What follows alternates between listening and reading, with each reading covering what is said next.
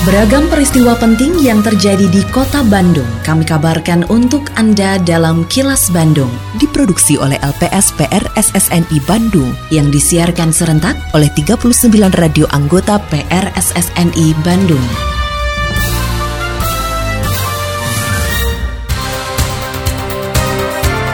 Sejumlah informasi aktual kami hadirkan untuk Anda dan inilah informasi utamanya.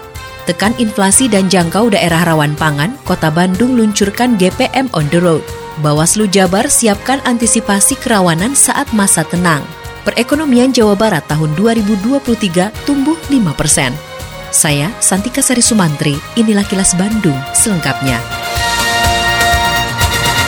Pemerintah Kota Bandung meluncurkan program Gerakan Pangan Murah on the Road atau GPM on the Road sebagai upaya menstabilkan harga dan menekan laju inflasi. Saat peluncuran GPM on the road di Balai Kota Bandung, penjabat Wali Kota Bandung Bambang Tirto Yuliono mengatakan, kegiatan ini juga untuk menjangkau daerah-daerah yang jauh dari sarana prasarana pangan seperti pasar tradisional maupun dan supermarket. Bambang mengakui masih ada sejumlah kawasan di kota Bandung yang berpotensi rawan pangan, antara lain daerah Bandung Kulon dan Babakan Ciparai. Menurutnya pelaksanaan GPM on the road akan dilaksanakan di 32 titik di seluruh kecamatan di kota Bandung dan akan menyediakan lebih dari 9 komoditas pangan mulai dari beras, gula, minyak, bawang, cabai, dan lainnya. Dalam pelaksanaannya, pemerintah Kota Bandung juga didukung oleh berbagai instansi seperti Badan Pangan Nasional atau Bapanas, pemerintah Provinsi Jawa Barat, Bulog, Bank Indonesia, Kodim 0618 Kota Bandung, dan Yon Zipur. Selain secara konvensional, Kota Bandung juga melaksanakan on the road. Jadi untuk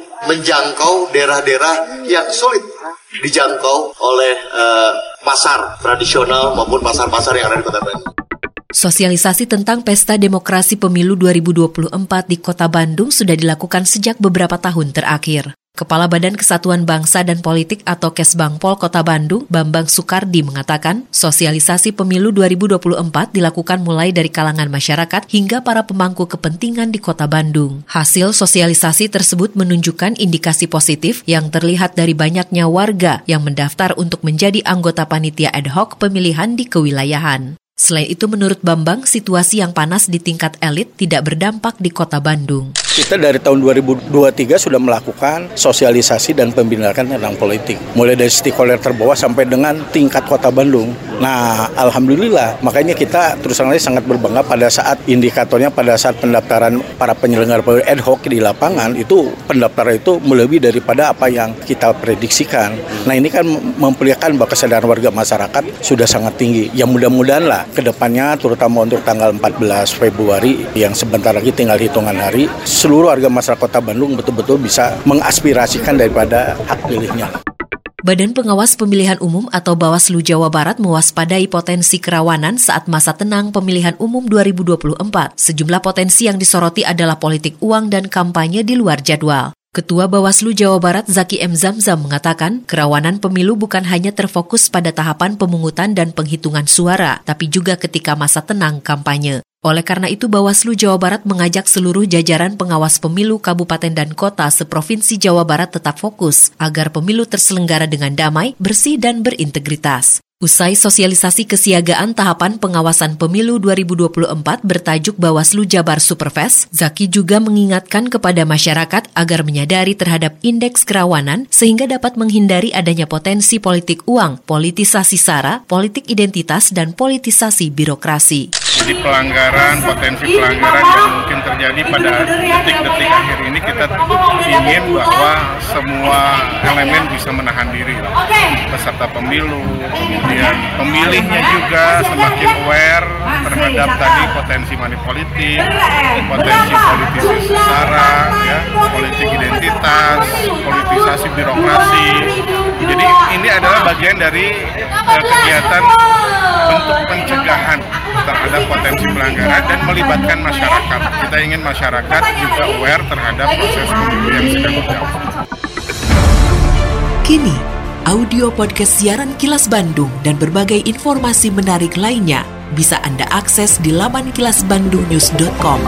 Pertumbuhan ekonomi Jawa Barat tahun 2023 tumbuh 5 persen atau lebih rendah dibandingkan tahun sebelumnya yang mencapai 5,45 persen. Meski begitu masih menjadi yang tertinggi kedua di Pulau Jawa dan sedikit lebih rendah dari angka nasional sebesar 5,05 persen. Kepala Badan Pusat Statistik Jawa Barat Marsudiono mengatakan pertumbuhan ekonomi Jawa Barat ditopang oleh produksi lapangan usaha transportasi dan pergudangan yang mengalami pertumbuhan tertinggi sebesar 14,67 persen. Sedangkan dari sisi pengeluaran, komponen pengeluaran konsumsi lembaga non-profit yang melayani rumah tangga mengalami pertumbuhan tertinggi sebesar 19,35 persen kita bila dibandingkan dan antara triwulan 4 tahun 2023 dibanding dengan triwulan 4 tahun 2022 Provinsi Jawa Barat tumbuh sebesar 5,15 persen.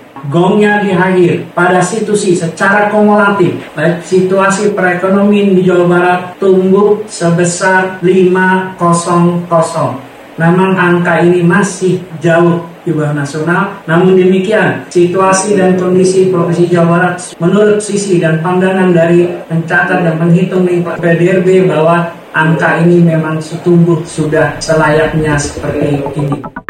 Masyarakat dipersilakan melaporkan jika menemukan perilaku petugas pengadilan yang melanggar. Namun, masyarakat juga diminta untuk tidak mempengaruhi peradilan dengan hal-hal yang negatif karena bisa merusak citra atau kredibilitas pengadilan sebagai aparat penegak hukum.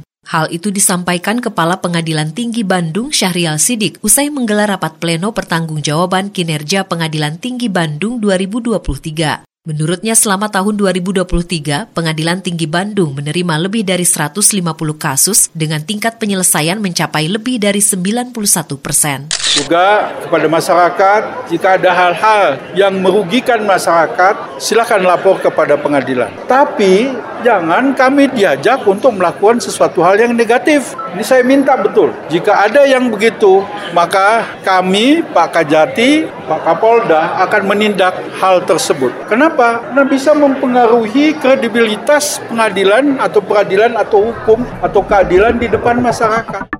Setelah menggelar penertiban terhadap para pengguna sepeda motor yang menggunakan knalpot brong atau knalpot bising, polisi segera menertibkan kendaraan roda 4 atau mobil yang juga menggunakan knalpot bising. Wakil Direktur Lalu Lintas Polda Jawa Barat, Ajun Komisaris Besar Polisi Edwin Avandi mengatakan, secara bertahap pihaknya bersama seluruh satuan lalu lintas di tingkat Polres akan menertibkan penggunaan knalpot brong yang ada di mobil. Ditlantas Polda Jawa Barat berhasil menyita lebih dari 17 ribu knalpot tidak standar dan bising tersebut dari hasil razia yang dilakukan dalam kurun waktu 10 sampai 20 Januari 2024.